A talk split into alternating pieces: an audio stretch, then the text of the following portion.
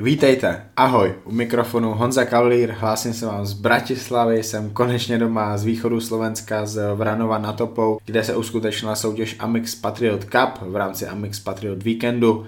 Eh, sobota a neděle patřila závodníkům, ale já jsem strašně moc rád, že jsem měl tu možnost vyspovídat tři hodně zajímaví lidi pro tři hodně zajímavé rozhovory, podcasty, které vy si budete moct poslechnout během toho dalšího týdne. Hodně se těším z tady těch epizod a děkuji vám všem, že posloucháte, děkuji všem, kteří se mnou nahrávali ve Vranově. Vážně jsem si užil tady ty tři nahrávání, byly super a to první začíná už za nějakou minutku.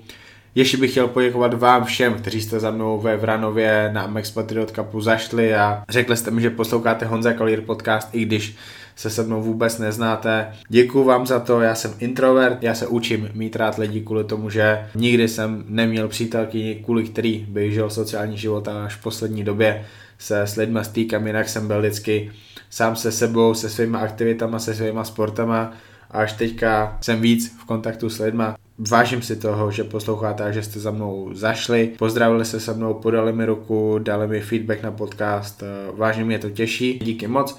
Děkuji Pavlíně Brosmanové a www.fitnesshouse.sk značce, která sponzoruje Honza Kalír podcast, podporuje mě už sakra dlouho a já budu moc rád, když vy podpoříte tady tu značku a koupíte si u Pavlíny na e-shopu, ale i v Činkaren Čambal v kamenném obchodě oblečení značek Gasp a Better Bodies. Díky tady tomu podcastu máte 10% slevu, můžete říct Pavlíně přímo v obchodě, že mě posloucháte, anebo na e-shopu www.fitnesshouse.sk nebo CZ použít slovový kód podcast, kde dostanete 10% slevu. Taky děkuji Foodu Bratislava, veganskému bistru pro masožravce, které mě taky podporují sakra dlouho. Ti sídlí v Bratislavě, kde jinde, na Milečičové ulici a také na Kamenném náměstí.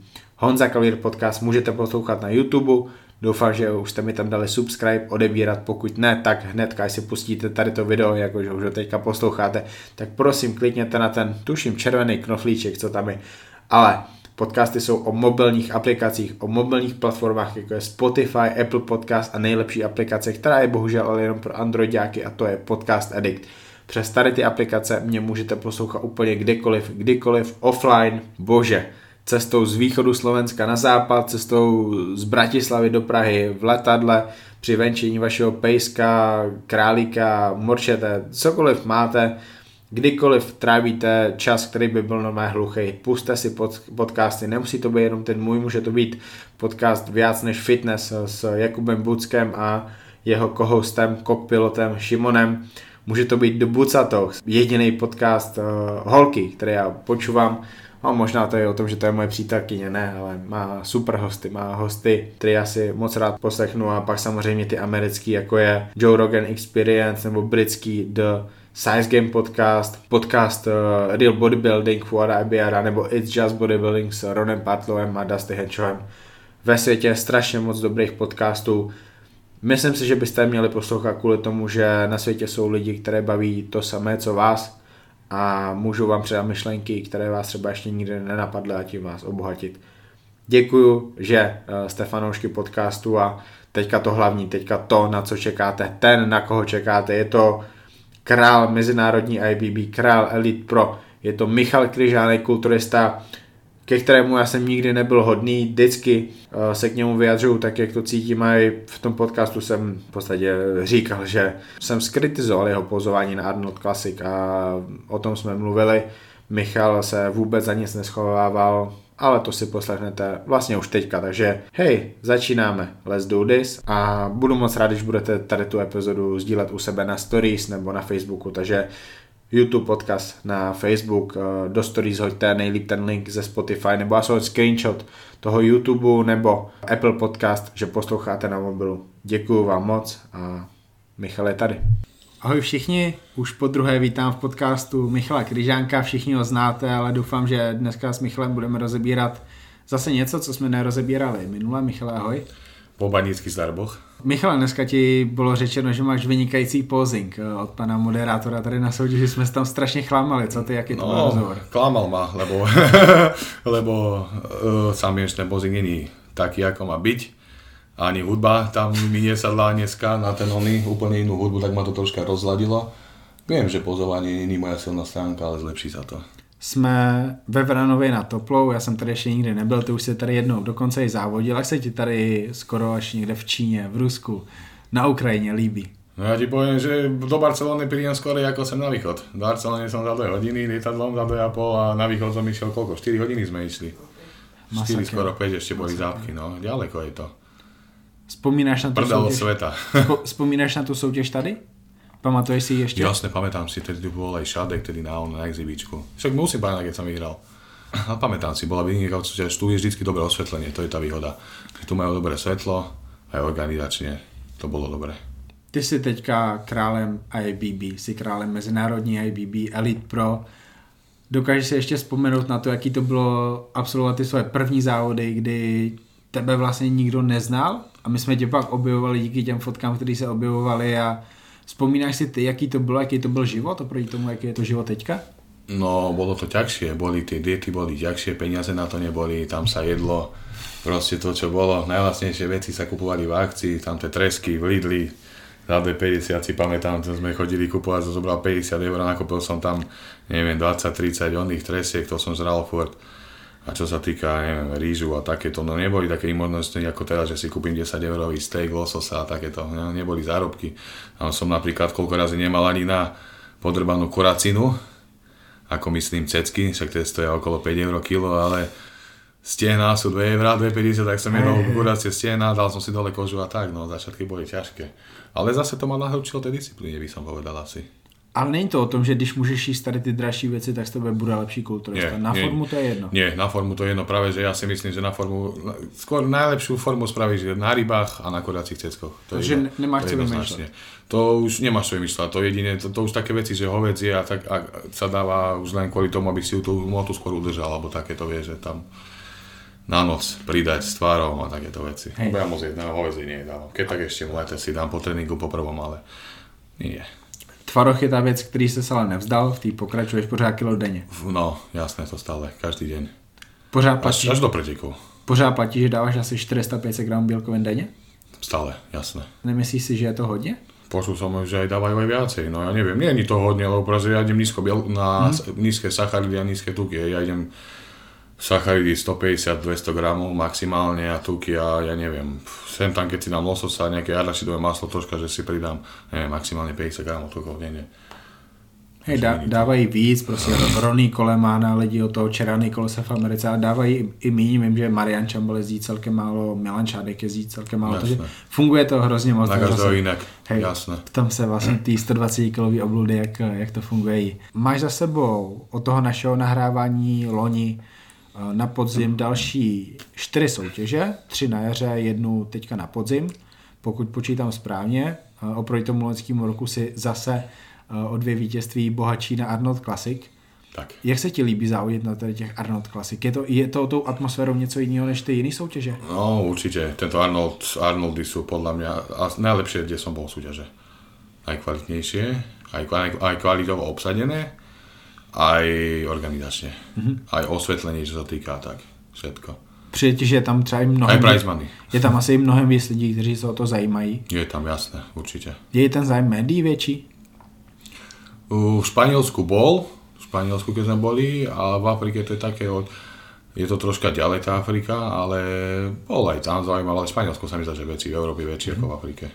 Kulturistika tě donesla teda po té loňské Indii na další kontinent, byla to Afrika letos ti čeká ještě Amerika, respektive ty už jsi v Americe byl, byl jsi v Mexiku, do Mexika se budeš vracet do Cancúnu, je to tak? Tak, tak, no na konci sezóny to bude posledná moja súťaž, to už bude taká v rámci taký oddych, že bude aj výlet, tak sa vybereme, že tam ostaneme pár dní navyše. Když, Proste to tam vyhrám a prize money, čo zarobím, tak to tam rozjebem. Však, bože, tak to má být, to si kulturistou, který je takhle úspěšný a, a můžeš si to dovolit. Tak sem tam si treba, no, dovoliť, no. A od, a od za tie 3 roky aspoň dať. 6 sezón za sebou vlastne jaro, podzim, jaro, podzim, jaro, podzim. No neviem, koľko je to súťaží za tie 3 roky, ty kokos. Prvá sezóna bola koľko? Ich bolo Říkal 7? 7, 5, 6. 7, 5, 6, áno. Hej, 7, 5, 6. Takže tu máš 18 súťaží za tie roky. No to je dosť. Však pracoval si. Ale áno, však kvalita sa spravila. Hej. Tak, tak. Kdybych tak popřemýšlel, kolik má soutěží ve své kariéře Phil Heath, tak jste na hodně podobným číslem možná. ja neviem ako, no. Ale tak nie, myslím si, že keď bol amatér, musel súťažiť. Kým sa nedostal na Olympiu, oni musia všetci súťažiť. Hej, hej, ale nebylo, nebylo to moc. No nie jebe im tak ak- Američanom ako nám, aby sme sa ukázali. My sa musíme ukázať. Oni sa, oni sa ukazujú jeden, dvakrát a každý o nich vie. Hej. My sa musíme ukázať 10-15 krát a možno, že si niekto všimne. Možno. S Michalem jsem nahrával rozhovor eh, na FIBu v Německu, bylo to jeho první FIBO, jak si tady to FIBO užil, jak ho vnímal a tak dále, to si můžete poslechnout v tom eh, rozhovoru, který je na YouTube eh, na Honza Cavalier podcast. V tom loňském nahrávání jsem zmiňoval, že Michal je vlastně jediným československým kulturistou, který se podíval takhle daleko, aby dělal exibičku, když se ho pozvali do Indie. Letos si ho pozvali do Mexika, což taky prostě to se nestává, tam nejezdí nikdo, tam si nikoho nepozvou. Jak eh, došlo k tady tomu pozvání? No, to bolo skôr cez prezidenta, cez prezidenta, cez Santochu. Oni sú kamaráti s tým prezidentom mexickým, čo tam majú a to oni mali nejaký dohovor proste. My máme aj nejakú, fakt dá sa kvázi povedať zmluvu alebo dohodu, proste, že keď bude niekde exibícia, tak ideme, hej, proste ja mám naplánovaných ročne nejakých 10 exibícií a to ono postupne bude prichádzať. Teraz som mal jednu, ale ešte ich budem mať 8 určite do, do konca jary. Tak, tak. Jaký to bylo v Mexiku, protože to je zase, to je místo, kde milují kulturistiku a je to, je to tam takový víc upřímný než tady. Tady prostě ty lidi ani třeba nechtějí tleskat, protože jim to přijde divný.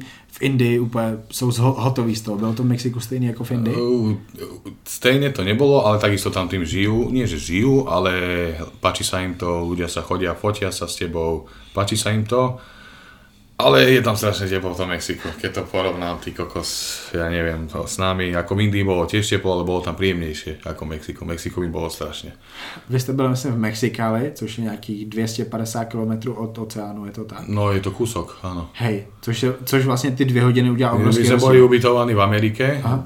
e, a kúsok boli to Mexikáli. My sme proste prešli, neviem, nejakých 20 minút autom a už sme boli tam, kde v Mexiku. Hej. My Tam vlastne- len. Tam vlastně u oceánu je hezky, že to je Los Angeles, San Diego, ale je tam 30 stupňů. Ale No. ty dvě hodiny ve vnitrozemí, tam je o 15 stupňů Ano. víc a to, to je šílený. Presne tak.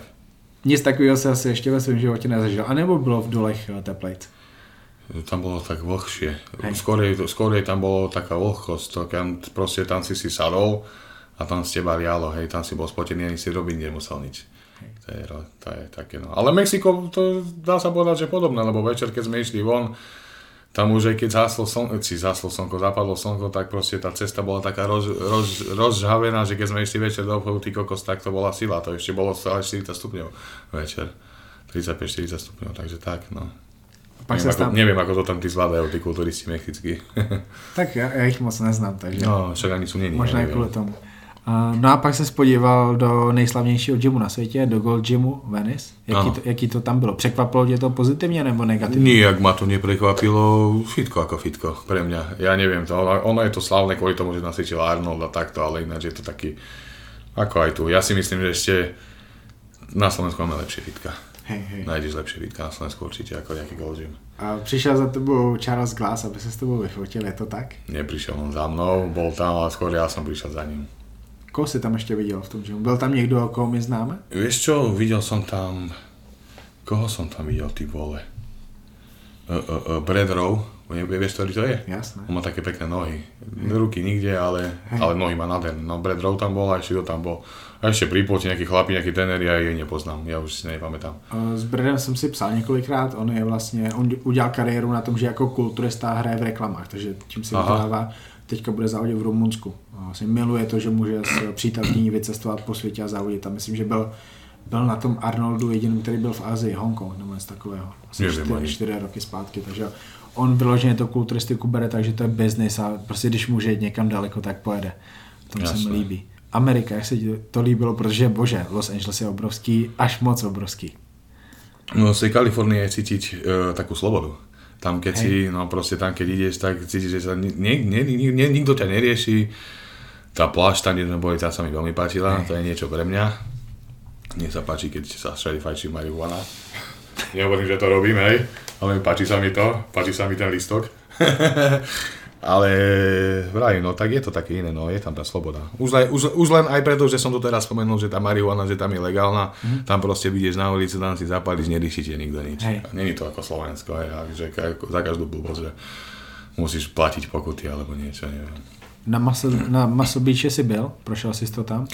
Uh, áno, však preto vravím, že teraz, no, toto vravím o tom, že sme boli na ten Muscle Hej. Beach, ale one som nevidel, kde sa cvičí, lebo to akorát bolo v rekonstrukcii. Hej, No. vím, vím, vím. Dobré, a pak teda ta letošní sezona, říkali jsme, že máš za sebou čtyři soutěže, ještě dvě plánuješ, plánuješ mistrovství světa, kde budeš obhajovat loňský prvenství, Tak je. plánuješ tu soutěž v Cancúnu, ale máš za sebou to jaro. Jak těžký bylo připravit se na to jaro po tom, co si vlastně absolvoval čtyři sezóny předtím?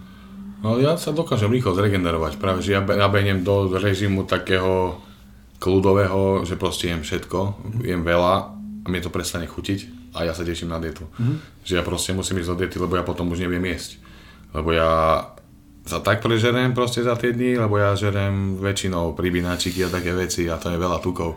A to ma, ja neviem, či ma to nejako proste zašpiní organizmus alebo čo, ja proste do seba potom nemôžem ísť dať, mne sa všetko jedlo hnusí. Pribináček je to... Takže potom musím nabehnúť na, die- na dietu a potom nejakých 2-3 týždne v diete a potom už mi príde aj chuť na ten pribinačík znova. Kolik si dostal těch pribináčků loni? To bolo tedy na Mikuláša. Ja neviem, koľko ich tam bolo. Dosť, ja neviem, do 20, do 30, neviem. To si snědl hnedka už si ani nemohl vidět, viď? Ani nedojedol. Hej? Ani som neviem, či som ich dojedol. Je. Veľa ich bolo strašne, lebo som mal ešte piškotovú zortu. To je, Bože. to je strašné. No. Donaty nebyly, viď? Nie, to ja nemám rád. To ja nemám rád, tie polevy tam, no. Bože, miluju, že je konečně někdo, koho lidi sledují a on prostě řekne, že ty donaty to, to čo je za kokotinu. No ja sa potrebujem, po, ja na súťaži, po súťaži sa potrebujem prvorode napiť. Hej. Nechápem, ako niekto povie, kokot, ja sa musím najesť po súťaži. Však tiebe, však si 3 dní jedol, 3 dní si cukroval, ty kokos. Hej. A ešte máš na jedlo? Ja nemám chuť proste na jedlo, ja som, ja musím, lebo však potreb, si odvodnený, potrebuješ vodu. Daj mi, daj mi tam 10 litrov bandasku, ja vypijem celú. Hej.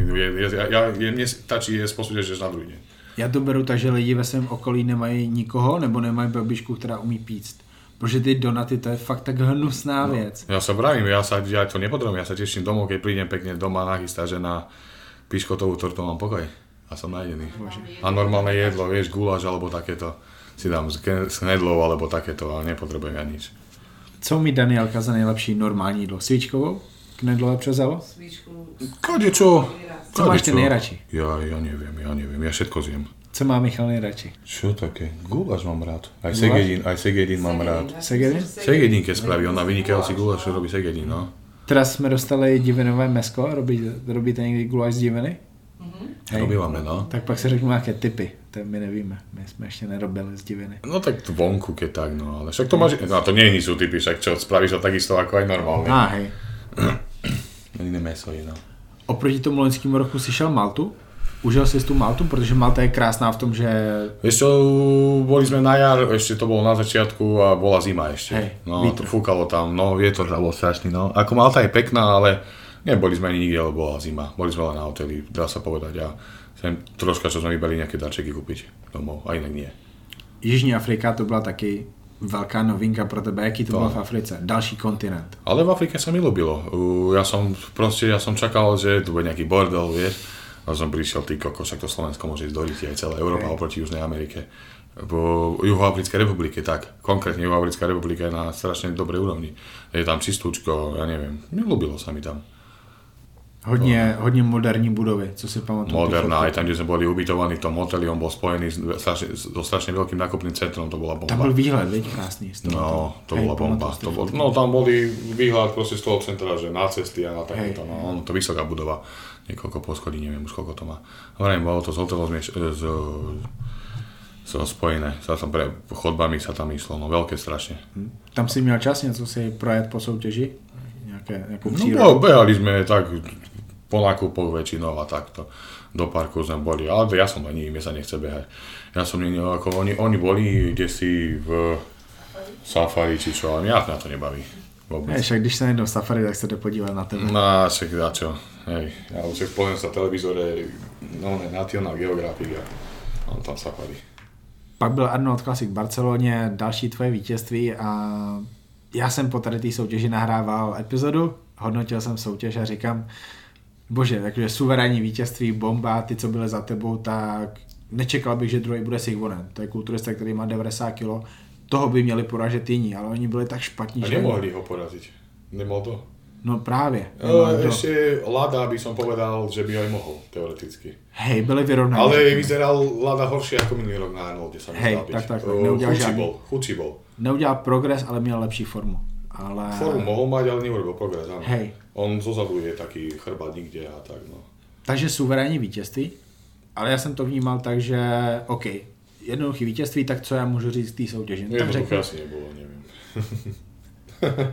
mě, máš za sebou těžší soutěže, takhle to řekněme. No, Ten loňský Arnold třeba. Ale no to áno. Ty no, tam som nemal ani formu, nejakú, ako som chcel, no. hej, a když jsem sledoval tu soutěž, tak vlastně viděl jsem tam dvě důležité věci. To, že ty jsi byl hodně zadýchaný, bylo vidět, jak hodně dýcháš mezi pouzama, takže to břicho, břicho ti neutíkalo vůbec do strany nebo takhle. Tady ten problém nemáš, ale byl jsi zadýchaný a dýchal si do břicha. A druhá věc, eh, gestikulace, mimika při pouzách, to bylo vtipný. Pak jsem přítelkyni ukazoval fotky na Islapsu, říkám, teďka půjdeme na fotky a já se vsadím, že tam nebude jediná fotka, kde budeš mít normální výraz v obličeji. Jsme prolečili těch 40 fotek a ani jedna fotka. Ja som taký kokocký, no. Ja som tak kokocký tvarím.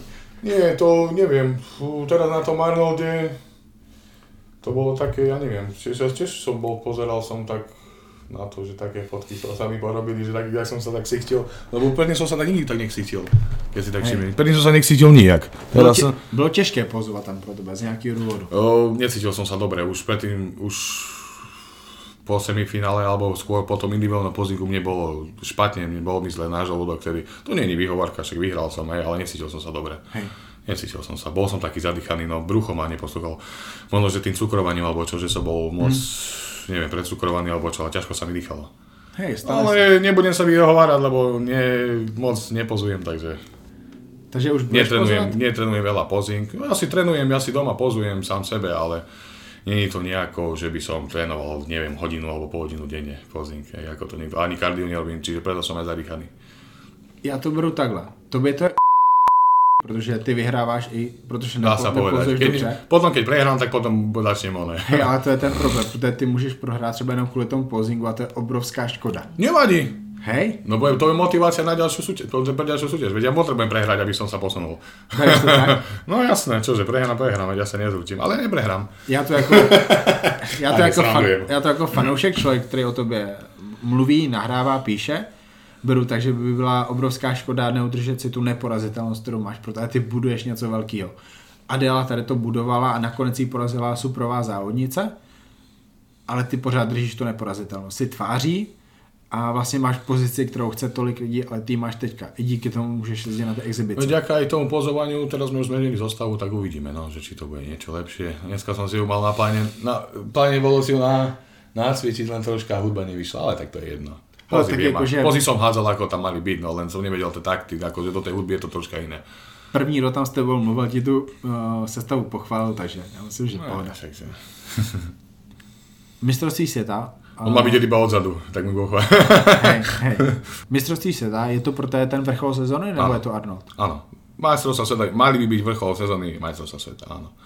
Zase, já zatím beru jako ten vrchol Arnold v Barceloně kvůli tomu, jak velká je to Tiež soutěž. som to tak najprv, len potom vravia, že nemalo by, nemal by si to, lebo proste pre teba je vrchol. Tako je pre nich Olympia, tak pre nás je majstrovstvá sveta, tu vrchol. ale beru to tak, že vlastně... Takisto možno, že aj pre niektorých, čo chodia na Olympiu, tak je vrchol Hej, o, hej. o, one, Arnold. Lebo vie, napríklad vie, pre tak, takto by som povedal, skôr pre takých, čo vedia, že na Olympii sa neumiestnia dobre a skôr na Arnolde sa lepšie umiestnia ako na Olympii, tak pre nich je podľa mňa vrchol Arnold.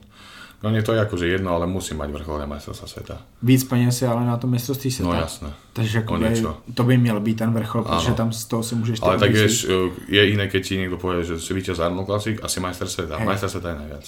Hej. Si myslím, no neviem. Hej, a na, líbí se mi, že to vlastně takhle nazvali, že na tom budou budovat, to je hezký. Mhm. Ale teďka je úkolem Santochy a ty Elite Pro, aby budovali tady tu soutěž, aby vlastně budovali tu prestiž Elite Pro a následně to Ale mistrovství popravde světa. to asi ide, lebo Hej. vravím, Čína, všade sú tie súťaži, Amerika, Južná, už Severná, už viem, že na budúci rok sú tam súťaži nejaké Dánsko, či čo Švédsko, neviem, veľa súťaží Chile, neviem, či tam náhodou není, alebo takéto niečo Mhm. na budúci rok, čo som tam videl. Rozrasta sa to. Hej, ale je rozdíl mít soutěž a mít soutěž, která zajímá lidi, protože Ano.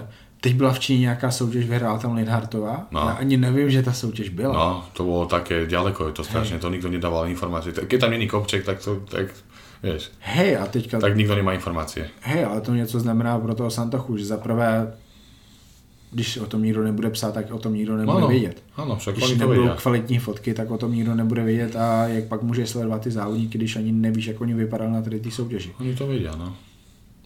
Mistrovství světa, uh, bojíš se někoho z těch soupeřů? Neviem, či myslím si, že Šivonen pôjde aj so mnou Mhm. Openku. On má na rok ísť aj Open, aj 90 lebo on sa kvalifikoval do dvoch, takže on bude asi môj najväčší super tam v tom onom. Tak ide, to, ide, ide o formu. Tak. Keď mi vydá forma, tak by som mohol vyhrať. Hej, zase Ešte si... tam bude Lada, ši, uh, kto tam je Lada, Šivonen, takých zo superov vážnych Vavreča, neviem, či pôjde na svet, netuším. Uvidíme. Uh, ešte kto tam je, ty kokos. A Lorenzo, Live. Bereš Lorenza jako soupeře, protože Lorenzo... Ale mal by byť to ako super, ale naposledy ja neviem, čo dorobil.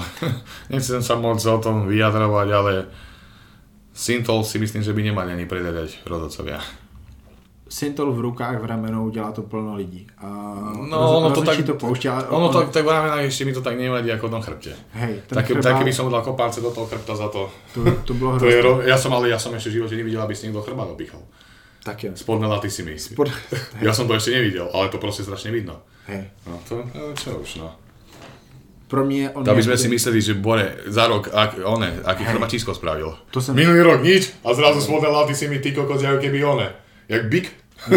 Ruka každá jiná, rameno každý jiný, pr- prsa úplně, že zvláštní tvár a říkal jsem si, bože, ty jsi mladý kulturista, On nemal ani hĺbku nôh teraz. Na, ony. nohy jako obrovská slabina, ještě jakoby o to víc to Bočné bylo pozy hrozné. Hej, No. zadek měl jakoby Mal, to mal peknú pozu. nejlepší party, Ano. ale k čemu je zadek, když nemáš nic ostatního. No.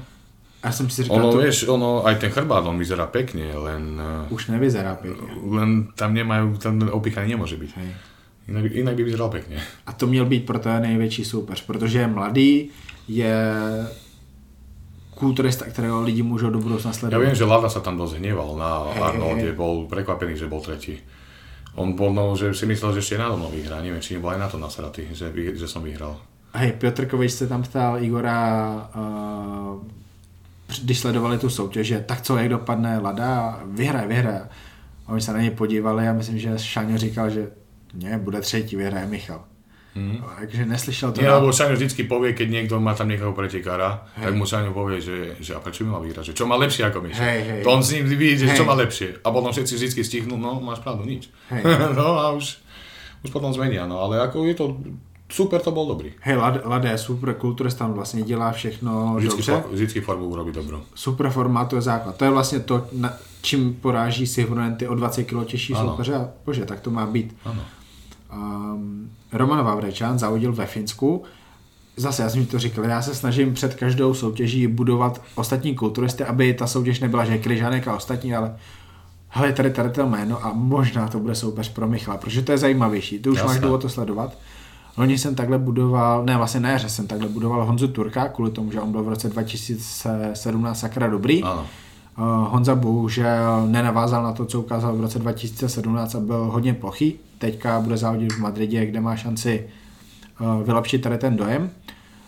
Budoval jsem předtím Nordic pro Romana Vavrešana, protože Ale už Roman... aj teraz, však tento rok skončil v Ostrave, bol druhý, ale, Hej, hej, hej. ale nikto tam nebol v tej Ostrave.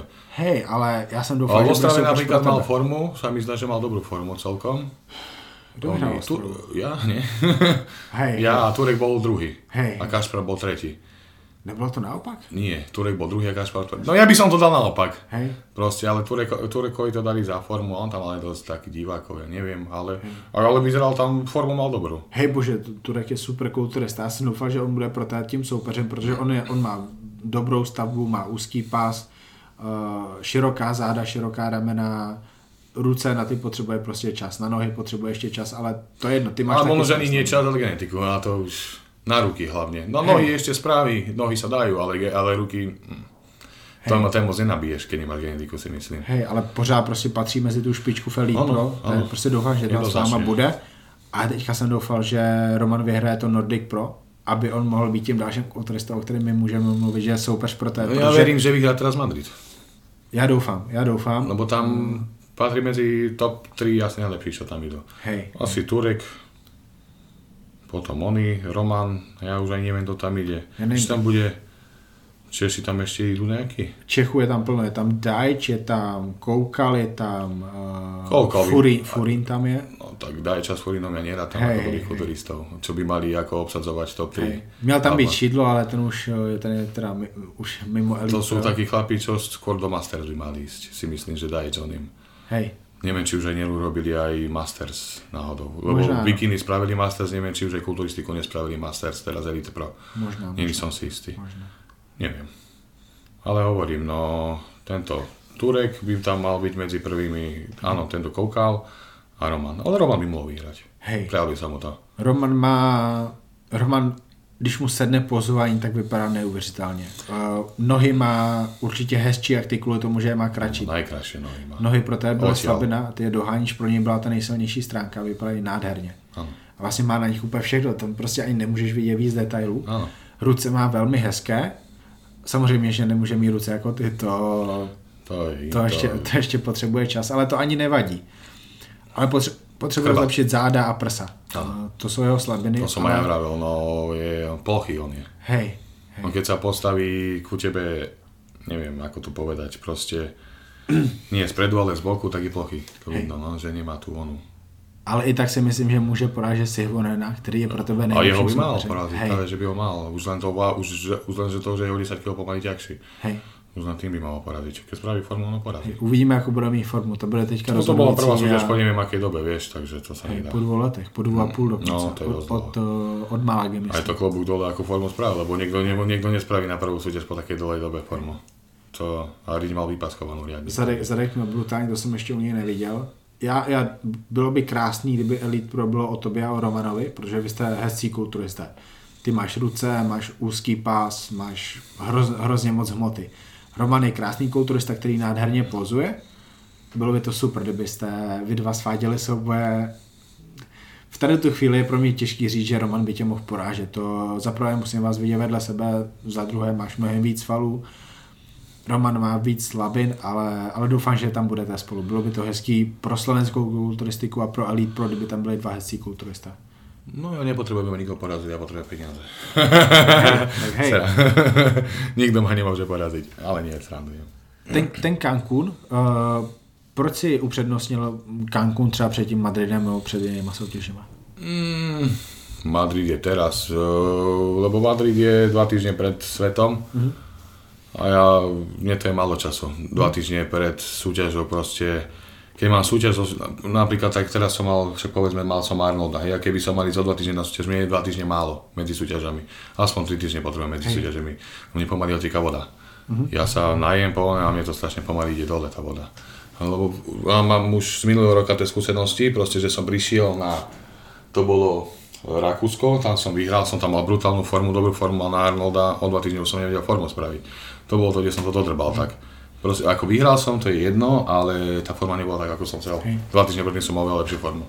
Ta, s takou formou som ísť na Arnolda vtedy. Loňská Ostrava, loňský Rakousko, letošní Arnold. Kde byla nejlepší forma podle tebe? Mně se líbil ten letošní Arnold.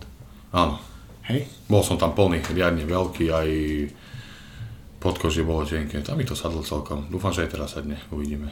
Máš v plánu jakože vylepšit tu formu? Je, je takový cíl? No formu, formu troška ešte zlepšiť formu. Hej. Dúfam, že to sa podarí. Vnímaš to Stačí mi, keď bude taká, ako bol na Arnolde. Hej. A ešte keď bude o troška lepšia, tak sa poteším. Dobré. To Mexiko, um, víš už někoho, kdo tam bude závodit s tebou? To Mexiko, to neviem vôbec, ale to, to skôr bolo také, preto som si vybral Mexiko, pretože to už je koniec sezón, sezóny. Bol som tam, som bol, uh, však na jar som tam boli, dostal som hneď aj pozvanie, že tam budú mať nejakú súťaž, tak už vtedy som sa ako prislúbil, že by som prišiel. Oni vraveli, že možno, že boli aj ochotní mi niečo zaplatiť na cestu, ale to pochybujem, akože to nie je podstatné, ale som to robil aj kvôli tomu, že koniec sezóny, že tam berem aj priateľku a takto ideme tam všetci oddychnúť si a tak. To cestovné, hotel, ubytování, kde, to, kde ti to platí a kde Sám. ještě ne? Sám, všetko. Všetko sám, všetko sám. To si ľudia len myslia, že mi to Hej. všetko hradia. Že neviem, že proste máš Arnolda, zarobíš 10 tisíc Keď sa každý pýta, že koľko tam bolo pre zmeny, poviem, že 10 tisíc. A všetci, ty koľko, že koľko peňazí. Dobre, 10, ja keby som to dal 10 tisíc, minus 15% daň, a to máš ešte dolare. Hej. Takže to minus 15% to je nejakých 8,5 tisíca. A v dolaroch sa bavíme stále. Hej. Prevedieš to na one, prevedieš to na eurá, už máš 8 tisíc, zaplatíš si poplatky, cestu a čo ti ostane? 5? Hej. 5 tisíc a ľudia si myslia, že neviem čo. A tých 5 tisíc za 2 mesiace ani neminieš na prípravu. A zase teďka řešíme to, že ty jsi šampion a jak jsou na tom ti ostatní. Úplne, ty sú úplne na piču na tom, lebo ty si musia Hej. zobrať ešte požičku. Hej. Ja si ja som požičku nemusím zobrať. Však máte teďka toho slovenského kulturistu, který zase nemohl závodit. No, všade, všade, všade ako kokot sa poprihlasuje a potom nikde nepríde. Lebo zistí, že boha však nemá peniaze. tak no, však nevadí. Ty už máš zhruba eh, naplánovaný rok 2020. Eh, Neříkal jsi to tady v tom rozhovoru na, na Preknech, ale Nikde som to ešte teďka to prozradíš. Teraz to poviem, 2020, končím s kulturistikou, nejdem súťažiť. Nie, nie, na jar, na jar si dávam takú pauzu, potrebujem sa troška dať dokopy a objemovku dať poriadno. Uvidíme, no chcem sa nejakých 135-140 kg vy, skúsiť vypapať, skúsiť vybudovať nejaké, nejaké nové svaly. Uvidíme 3 až 5 kg, či tam nejaké pribudne a hlavne kvalita. Kolik jsem měl nejvíc? 34? 132-133 som mal, no. Jaký to bylo žít v takovém těle? Není to dobré. Hej. Není, lebo si zadýchaný. Stačí, keď sa ide zašnurovať, alebo si sadnúť a to fučíš jak one. Ale tak po mesiaci sa to, už keď si zvykneš už na tú váhu, sa to dá. Len do začiatku, vieš, lebo tá váha ti, ja Vráti neviem, ty pribereš za 2 týždne na tú váhu, po súťažiach. No a potom to už len fučíš, no. Takže vidíš to tak, že sezona ti končí někdy v půlce novembra, tak to vychází? Kon, 20. Kon- okolo 20. no. To je pak určitě, že oddych třeba do konce januára, tak nějak. Dá sa tak povedať, áno. Úplne bez všetkého, bez veci, bez Pa, ničoho. pak začne nabírání. Tak, tak, tak, asi od februára. Febru... Tak som tak mám február, marec, nech už v apríli idem na FIBO, nech som tam veľký Hej. proste. Na FIBE, nech, nech to tam vypadá troška. A začátek diety někdy v období jún, jul. No, v júli asi, júl, august, keď náhodného, no, júli stačí. A návrat bude na Arnold Klasika, nebo kdyby byla nějaká soutěž předtím, tak to... Na Arnold si chcem ísť, no. Uvidím, ak možno, že ak bude predtým niečo, možno, že by som sa len tak vyskúšal, uvidím podľa formy. To sa nedá ešte povedať, to je ešte rok. Šaňo souhlasí s tady tím plánem? To, Podporuje? to, to bol spoločný nápad. Super. No ono ako, už čo máme ako, že my tu organizáciu túto Elite Pro Slovakia, tak ono to už bolo tak, že už som na t- túto jar som nemal súťažiť, nechceli, aby som, že aby som stal troška pauzu, nejaký spravil progres a že pôjdem až na jeseň, ale vravím, ja nie, vravím, ja musím súťažiť, vravím, ja nespravím progres, proste mne, ne, ja som bol taký, že mne nechutilo jesť, už som to aj spomínal, ja som musel do diety. Už keď som bol diety, tak už ideme súťažiť. Hej. Ale nabral som aj tak nejaké kila. Ja práve, že diete viem nabrať svalovú motu. Niekto nevie, niekto potrebuje objemovku. Tak preto vravím, že som, nemal som ešte objemovku takú poriadnu, tak vyskúšam, že či sa podarí, možno, že nenaberem nič. Možno, že sú nedostal. Neviem, uvidím. Danielka se těší na to, že si tě užije trošku víc. Určite. Hej. Sa bude so mnou napapať, nebude nervózny. Super. Uh, 140 kg, to je strašně moc, je to, prostě není to zdravé, ani Nie, se nie. ten člověk necítí dobře. Bojíš se Ani toho? toto, ani toto nie je zdravé teraz. Hej. Ešte nezdravšie by som povedal. Mm, nevím, nevím, těch 20 kg na srdíčko, na, na obličky. No, však hej, ale aj toto odvodňovanie, keď na súťaž, to tiež Hej. na srdiečko. Bojíš se toho, těch 140 kg, že to... Nie. ne. Nie, nebojím sa. Tak keď nebude 140, tak bude 135. Budeš nějak řešit prostě kontrola, kontrola zdraví, krevní testy, áno, častěji? hneď po súťaži, ja mám v rodine takého doktora, proste Martin niečo má uh, známosti na klinike, kde robí, tak on mi spraví všetky biologické testy. Super. Tak nás si to spraviť a potom, keď budú všetky testy v poriadku, tak potom sa začne prípravu. A Beč- chceme, ešte sa chceme pokúsiť one, o malé babo, tak uvidíme, ako sa... Dobré. Psí, Či to stihnem. psíka holky nestačí. Nie. Může být, může být. Jak ten psík, to jsem říkal, bože, doufám jsem, že tady bude s váma, ale hej, jste na hotelu, nemůže tady být. Těšil jsem se na něj. To, Ten je doma, no. to je můj oblíbený člen vaší rodiny. No, Hej, pořád se Šaňou spolupracujete? jasné. Co nového jste se naučili o tvém těle tady ten rok? Je něco? Čo sme sa naučili, ale hej, keď už není sú také, tie závery sú nie také drastické. Aha. Proste to odvodňovanie a tá superkompenzácia, ja už aj nepoznám, čo je superkompenzácia. Proste ten týždeň posledný robím to isté, čo stále.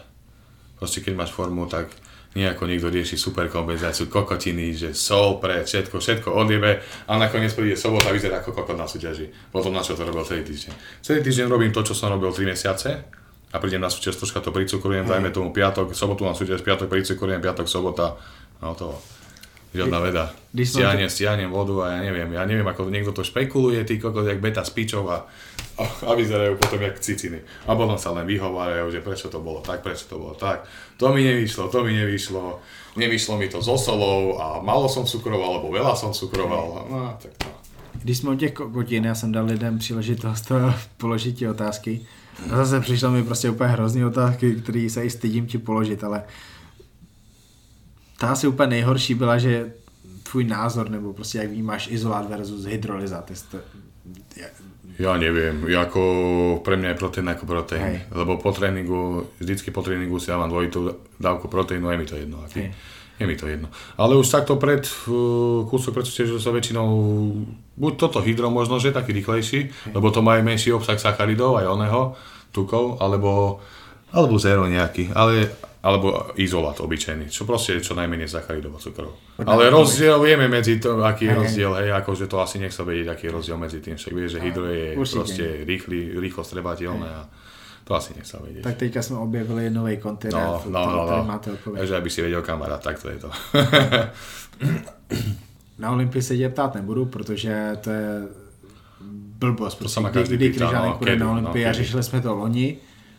To Ale sa ja tak- môžem takisto spýtať toho človeka, čo sa ma pýta, kedy pôjde na Olympiu, tak ja sa ho spýtam, no ty mi povedz, kedy pôjde na Olympiu, lebo ja to neviem proste. Ale i tak se tě Lebo, lebo oni si myslia, že to je tak, že, lebo niektorí si myslia, že sa tam napíšem prihlášku a idem. No to sa tam musíš kvalifikovať, za prvé. Za druhé, není som v tej federácii, takže ešte o tým nerozmýšľam. Ale i tak se tě zeptal na tu Olympii. Na tu letošní Olympii, jak jsi ji viděl, protože já jsem psal o tady té letošní Olympii. Bude to ta historicky nejslabší Olympie za, bože, za strašně dlouho, ale možná to bude největší zábava, protože nevíme, jak to skončí. A bolo na piču. Bylo to lebo, vrajím, ešte som pozeral, uh, však prvý deň je semifinále, Hej, To som pozeral a už vtedy som pozeral, kupo, a však vedel, ako môj favorit bol Brandon Cody už pred pretekmi. hej. Pozerám, koko, však ten nemá takú formu ako na Arnolde. A proste vyhral, ale už na druhý deň som to nepozeral, lebo nebol tam žiadny zaujímavý kulturista pre mňa. Ja neviem, ja, keď tam nebol Rodney, nebol tam Phil Heath, ja neviem, nebol tam Cedric McMillan. Ja Bol tam, Cedric tam bol, ale... Čiže Cedric tam bol, on nebol vo forme, vo forme Hej. hej. a bol tam, ako tam bol, no. Každý Hej. vieme, ako tam bol, bol tam len tak. Hej, A ešte, ja neviem, akurát tak Osladil tam prekvapil. hej. Osadil 8 místo, to je... No ale prečo 8 místo? Lebo Hej, niekto ale- nebol. Ale a když se někoho zeptáš za Akože to není ako, tak že, to není ako, že nepovedal som to zlom, ale hej. 8 skončil preto, lebo nikto nebol. Však jasně. To takisto ako u nás Elite Pro, keď niekto proste je súťaž, napríklad príde tam, nechce menovať nejaký Čech, alebo to je jedno, alebo nejaký hoci kto a skončí do, napríklad do tretieho miesta. Teší sa z toho. Ale čo sa budem tešiť, proste, keď si pozriem štartovku a keď som sám, keď, keď, tam nik... nemám sa z čoho tešiť, proste, lebo som neporazil nikoho, čo nik, nič si nevyniká. Hele, bereš to tak, že ty jsi jako jeden z mála profíků, který vlastně poráží amatéry v tom Elite Pro? Protože plno lidí, co tam je s tebou... Hej, sa hovoria, že sú to amatéri, no. Hej. Neviem, neberiem to tak vôbec. Ja práve, že ich berem ako rovnocených, nie všetkých, ale proste niektoré, niektorých keď vidíš, tak tam nemajú čo robiť. Hej. To musíš uznať aj ty. Niektorí tam ozaj nemajú čo robiť. Niektorí amatéri by, tuto na Slovensku by ich porazili, si myslím. Najdu sa. Neviem. Ne, nebudem menovať, e, ale je to tak. Teďka, teďka to Finsko, co Pozrieš si večer Madrid Hej. a uvidíš tie posledné miesta, že proste profici, ktorí tu budú, možno, že zajtra niektorí budú vyzerať lepšie ako tí, čo tam. Bu- Bude tady Holota, bude tady Tatarka, myslím si, že No, tak už máš príklad, že niektorí profici budú vyzerať ako profici tam. Hej, bavili jsme se tam s Jakubem Kopčekem. Ale ono to začína, vieš, ono to za 5 rokov môže byť za 10 taká úroveň, že to bude našlapané. Tak, tak, tak. No, no oni, to, oni musia nabrať ľudí proste. Aby mali peniaze. Hej, uh, bože, znáš Luboše Chvádka, teď jsem Ano. u vás nahrával epizodu. Ano. Uh, baví mě to, jak uh, vy spolu komunikujete na sociálních sítích. Ne, že byste se hádali, prostě... Nie, my ba- sa doberáme. Hej, bylo to o tom, že ty neděláš... Ale my pro- sme kamaráti. Hej, hej, hej. Bylo to o tom, že ty, Já mu neděl, fandím. ty neděláš progres, protože pořád jíš čistě, dej si občas prostě trošku to No, nezdraví. to je môj názor, ale to hej, pravda. hej. Ale, ale Luboš teďka dělá to svoje a jede to v PCA Ano. a povedl se mu obrovský úspěch a on vlastně jenom formou, která je teda úplně že šílená, to, takovou formu nedělá během roku moc lidí, určitě nikdo takovou formu neměl Nikdo. na Olympii. A, a daří, se, daří se mu výsledky, který by prostě neměl dělat kvůli tomu, že bože, tak to je chyba těch ostatních, že neudělali formu. Jasné. Sleduješ Luboše, sleduješ PCA díky tomu? Áno. Uh, PCAčko sledujem skoro vôbec malinko, ale Luboša áno. Luboša sledujem, mne sa veľmi ľúbi.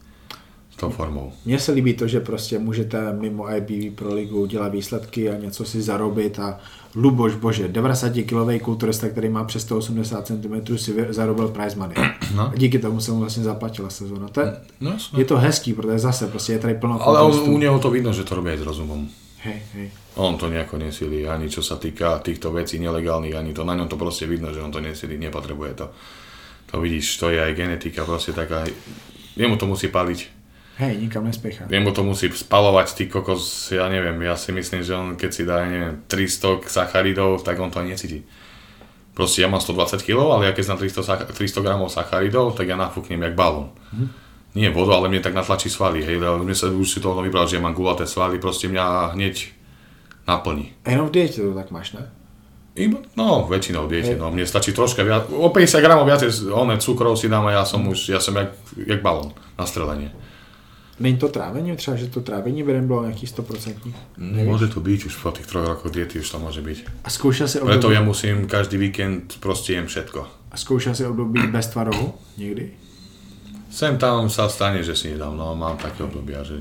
Ale Protože- nie, práve, že keď si dám tvarok, tak sa aj vyserem. Hej. No, Já když jsem měl tvaroh, eh, když jsem dal tvaroh jako poslední jídlo dne, tak já jsem do 10 hodin nemohl jíst.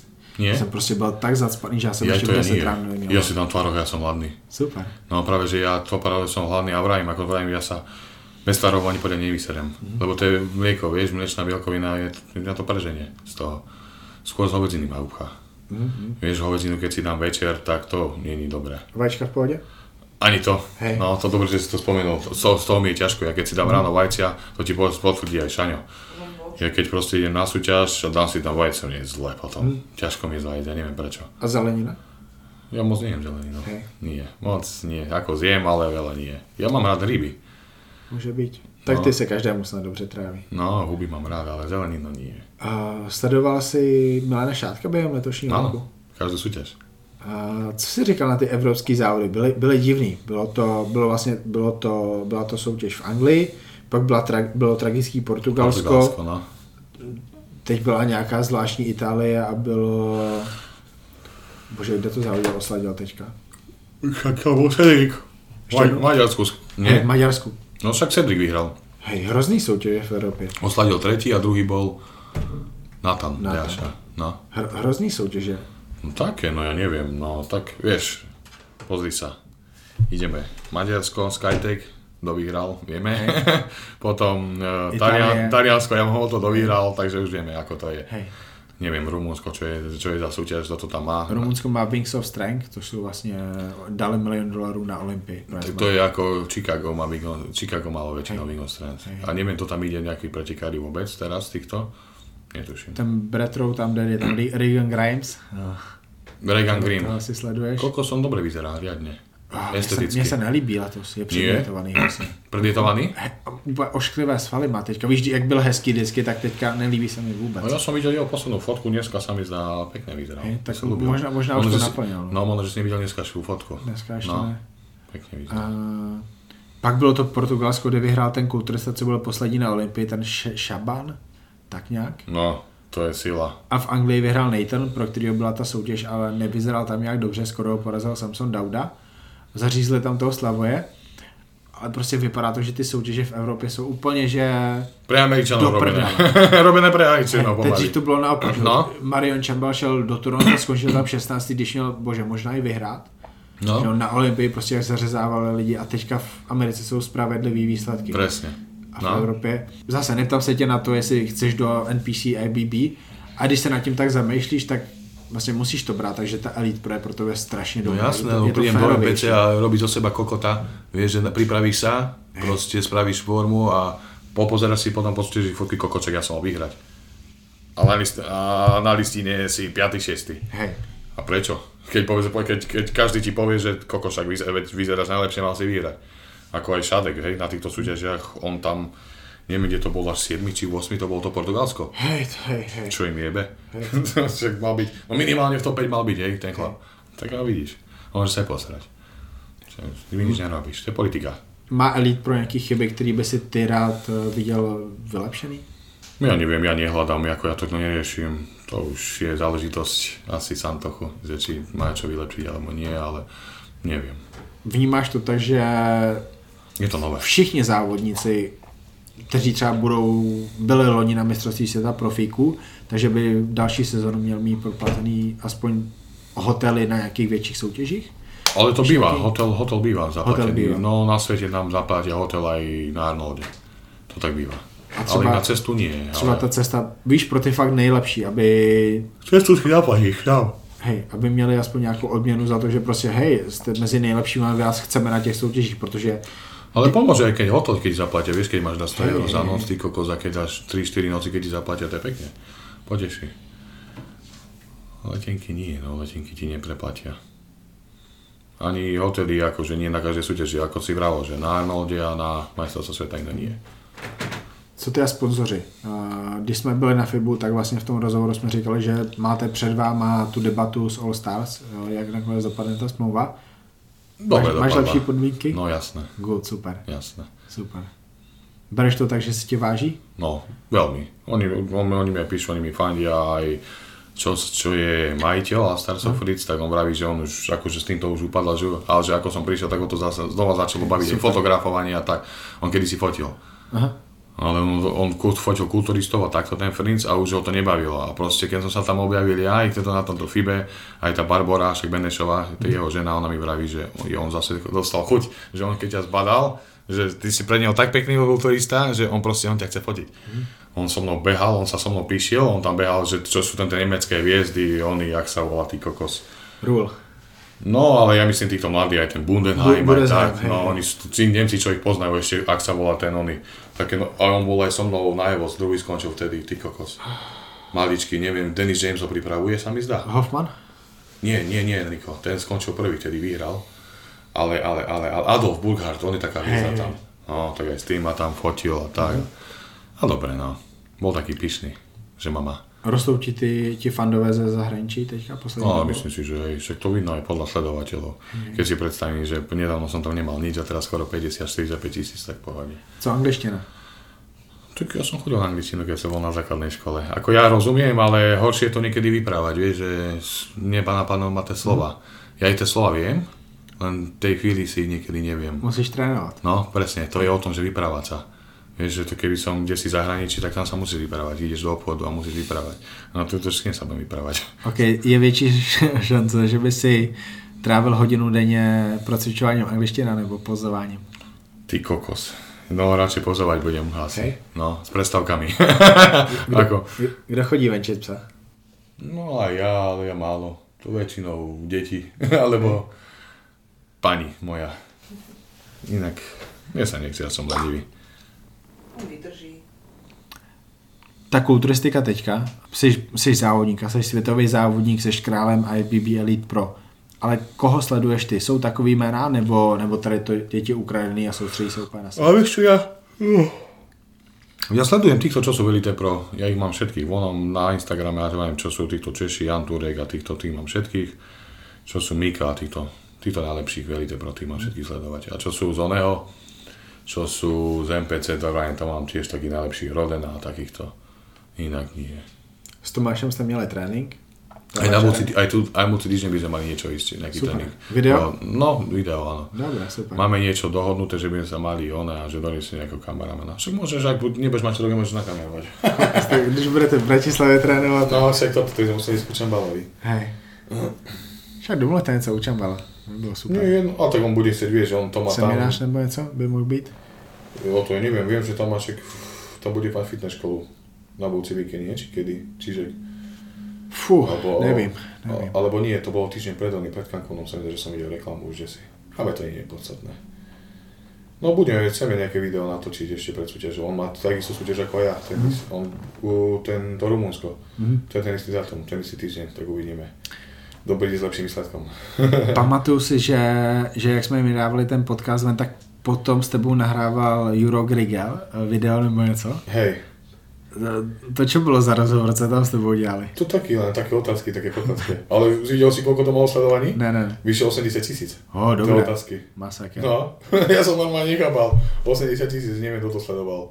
Budu si muset otázky psát na papír, nebo nevím. No, veľa, no, veľa ľudí to sledovalo. Neviem, tiež som nepochopil. Co televize nějaká slovenská, tak Vieš, nechtějí tě tam? vieš čo, aj z Markizy či z Jojky mi to písali, ale však tedy, tedy som bol vonom, kde som to bol, Jojke to bolo? Hej, to si pamatuju. No a potom zase tuto, keď som vyhral afrického Arnolda, tak bude celý, že reflex. A reku, dajte mi pokoj, vrajím, ja to nechcem, vrajím, však tam chodia ľudia, ktorí vyplakávajú furt. Hej, Však vieš, aký je reflex. Vůbec Tak. nevím. Nevieš, čo je reflex, to je relácia proste, kde príde, že má niekto, ja neviem, nemá peniaze, alebo Chorí ľudia. chorí ľudia, alebo neviem. Alebo keď niekomu nechcú preplatiť poisťovne a zdravotníctvo a to No. proste také uplakané. To je niečo ako správy, také spravodajstvo a proste oni ti to, ti to pomôže zviditeľniť ťa, neviem, tu na Slovensku a proste, neviem, pomôžu tým ľuďom. Hm. Ale to sú, sú všetci takí, čo niečo trápi, nejaký problém, uplakaný, no málo kto. Videa Viem, že tam, že tam bola aj Adela, sa mi zdá, ale ne, nepamätám už, ja to neviem. Hej, to, hej, to, to mi pak někdo psal, že Honzo, jestli ty uděláš s Adelou dobrý rozhovor, tak to je něco šíleného, protože ona tam vůbec nic neříkala. Tak já jsem mě rozmluvil na hodinu a půl. A nevravím, reku, to ja by, ja to by som ja nechcel, lebo to si vravím, to je uplakan, uplakanstvo a čo. Igor s tebou pravidelně nahrává nějaký rozhovory spolu s videama pro eSlabs. Áno. To si užíváš? Neužívam, lebo to som dieťa, ale ja proste ani neviem, že on je.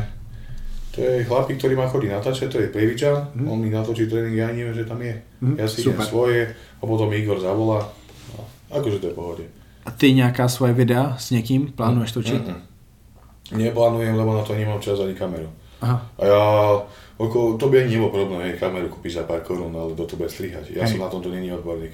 Vieš, ja by som aj natočil, ja som koľko razy jej povedal, že keď budeme na súťaže chodiť, vieš, Mhm. spraviť nejaký dokument o tom, on do to bude strihať. Hej. To nechce. Hej. Ja to aj neviem. Ja som není počítačový maniak. A že by All Stars někoho poslalo? Pravidelně? Nie, fúha, neviem, neviem. Však tedy v Ostrave boli so mnou, v All Stars. Prišli, ale neviem. Bylo, bylo video nějaké venku? No. Hej, dobré? Také pohode. Hej, musím Tam se som. podívat. No. Keď si ma dáš, tak ma nájdeš. Na YouTube? No, tam bude dačo. Dobře, Michal, my jsme ještě tady ve Vranově. Já se tady těším na Jaro Horváta, až ho poznám, že jsem s ním nikdy nemluvil. Hrozně se stydím, až, až s ním pokecám. Uh, ale i závodníci jsou tady hodně dobří. Ta Classic Physique junioři mě fakt dostali, byli super. A ty znáš toho vítěze? Uh, Paťo. Paťo? Či jak sa volá? Michal, Mich, Michal, Michal Valašek. Odkud se znáte?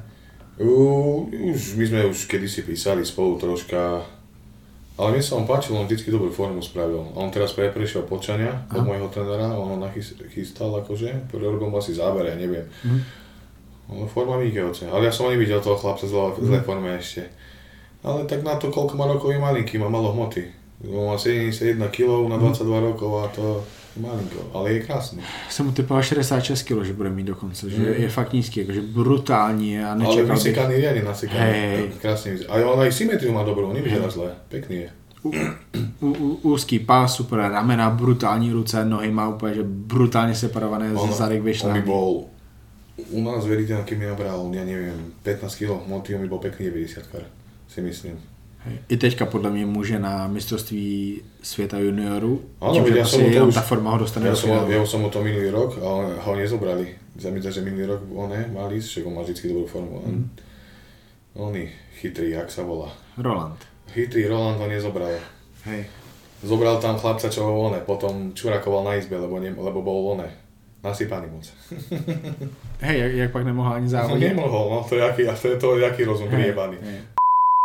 Tak platím, budem si platiť letenku, budem si platiť ubytku, aby som tam sedel ako Hej, to taky, prostě nikdo to repre neřeší. tréner, aby ťa nenadstavil, Hej. tak potom to tam má byť. A ještě, No. to je svěřené z toho trenéra, že jo, a ještě ho prostě chytnou. To, No. je, to je ten problém. A nikdo to neřešil. A nikto to nerieši, Hej. ale, ale to nebolo prvýkrát. Hej, to lo, nebolo lo, prvýkrát. lo, loni nociar, letos No, Vlímek. a nikto, ale pohoda. A, Pohoda. a, a spraví to niekto iný a hneď, už one, už, už letí. Hej. Boha. To je jedno, no. Hej, ty Nech máš, sa, nech ty máš, jebu. Mňa to nemusí trápiť, no ale ja nemám rád nespravodlivosť. hej, ty máš, ty máš u a můžeš mít, protože teďka si v Elite Pro a nikdo prostě nemůže nic. Nikdo ti nemůže říct, že nemůžeš na tady tu soutěž, nikdo ti nemůže říct, že uh, nevezmeme tě na tady tu soutěž, protože bla bla bla, protože Nie, tam vlastně no. mají někoho svýho. Ale trápi ma to, ja, ja nemám rád nespravodlivosť, vieš, a napríklad aj toto. Však keď si vo funkcii, nemáš čo sa chystať na súťaž. Nemôžeš na súťaž. On môže, do On z celého sveta jediný Roland Grossman môže ísť na súťaž, môže robiť funkcionára Hej. a ešte sa môže zároveň Čak- chystať na súťaž. Potom ide na súťaž, tak sa akože zdá funkcie na chvíľku, že proste nebude robiť, odsúťaží, dosúťaží a znova je. jak ta finálová umístění tam byly. Na Instagramu si pořád ten stejný kryžánek. Vůbec uh, nezmírňuješ ten svůj tón, prostě vyjádříš se k těm tématům tak, Jo, jak to je, myslím. tak jak chceš, tak jak si myslíš. Môže to tak jak aj není, vieš, aj mi to jedno, ale ja, je to môj urč- určitý pohľad pohľadov a nepovedia, že som arogantný, ale veď aj jebem. Tak som arogantný a čo? Ja nebudem vyprávať, proste niekto ide na súťaž a je s niekým kamarátom, že vyzeráš úžasne. A napíše mu to, ja neviem, 50, tisíc- 50 ľudí ho ojebáva, že vyzerá dobre a jeden mu napíše, no vyzeráš na kokot, to som ja, čo mu to napíšem, lebo ja to, ja, ja to neriešim. A proste tých 50 ľudí mňa zjebe, že Ko- som arogantný proste, že si myslím, že som majster sveta, ale kto mu to má povedať, že vyzerá na piču, keď je majster sveta. Hej. Tých 50 ľudí, čo mu to povie, čo necvičí, že mu povie, že vyzerá dobre a on je pyšný na to, veď to nemôže vyprávať hoci kto.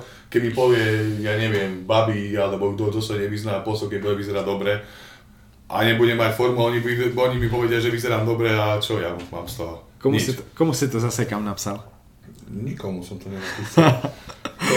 už ani neviem. Ja, to, ja som to viacej nebudem napísal. No, přemýšlel jsi, že tady ten tón zmírníš? Že, že to nebudeš dělat? Prečo? Nie. Aby tě měl úplně každý rád. Ja nepotrebujem, aby ma ľudia mali radi. Čože? Oni ma neplatia. Oni ma neplatia. Hej, Danielka, to nevadí, že se Vieš, a správáš? mňa ľudia majú, mňa majú takí ľudia radi proste, takí, čo nič neriešia. Sedliaci ma majú skôr Však radi. já jsem sedlák. No a ja. Ja takisto. Ja som sedliak z dediny a čo? Danielka ti nikdy neříká, že a však nekomentuj to, takhle buď, buď slušný a tak. No nie, Nie? je to ani nie. Sem tam, no. Sem tam, no Sem tam. Tak ale vie, že no čo mi bude vyprávať. Že? Keď on si aj tak nedá povedať. No. Tak jo, Michale, druhý nahrávání, plánoval jsem s tebou hodinu, máme hodinu, já jsem rád, eh, díky moc, hodně štěstí ve Španělsku, v Mexiku a povyhrávej to. Ďakujem a ja budem sa snažiť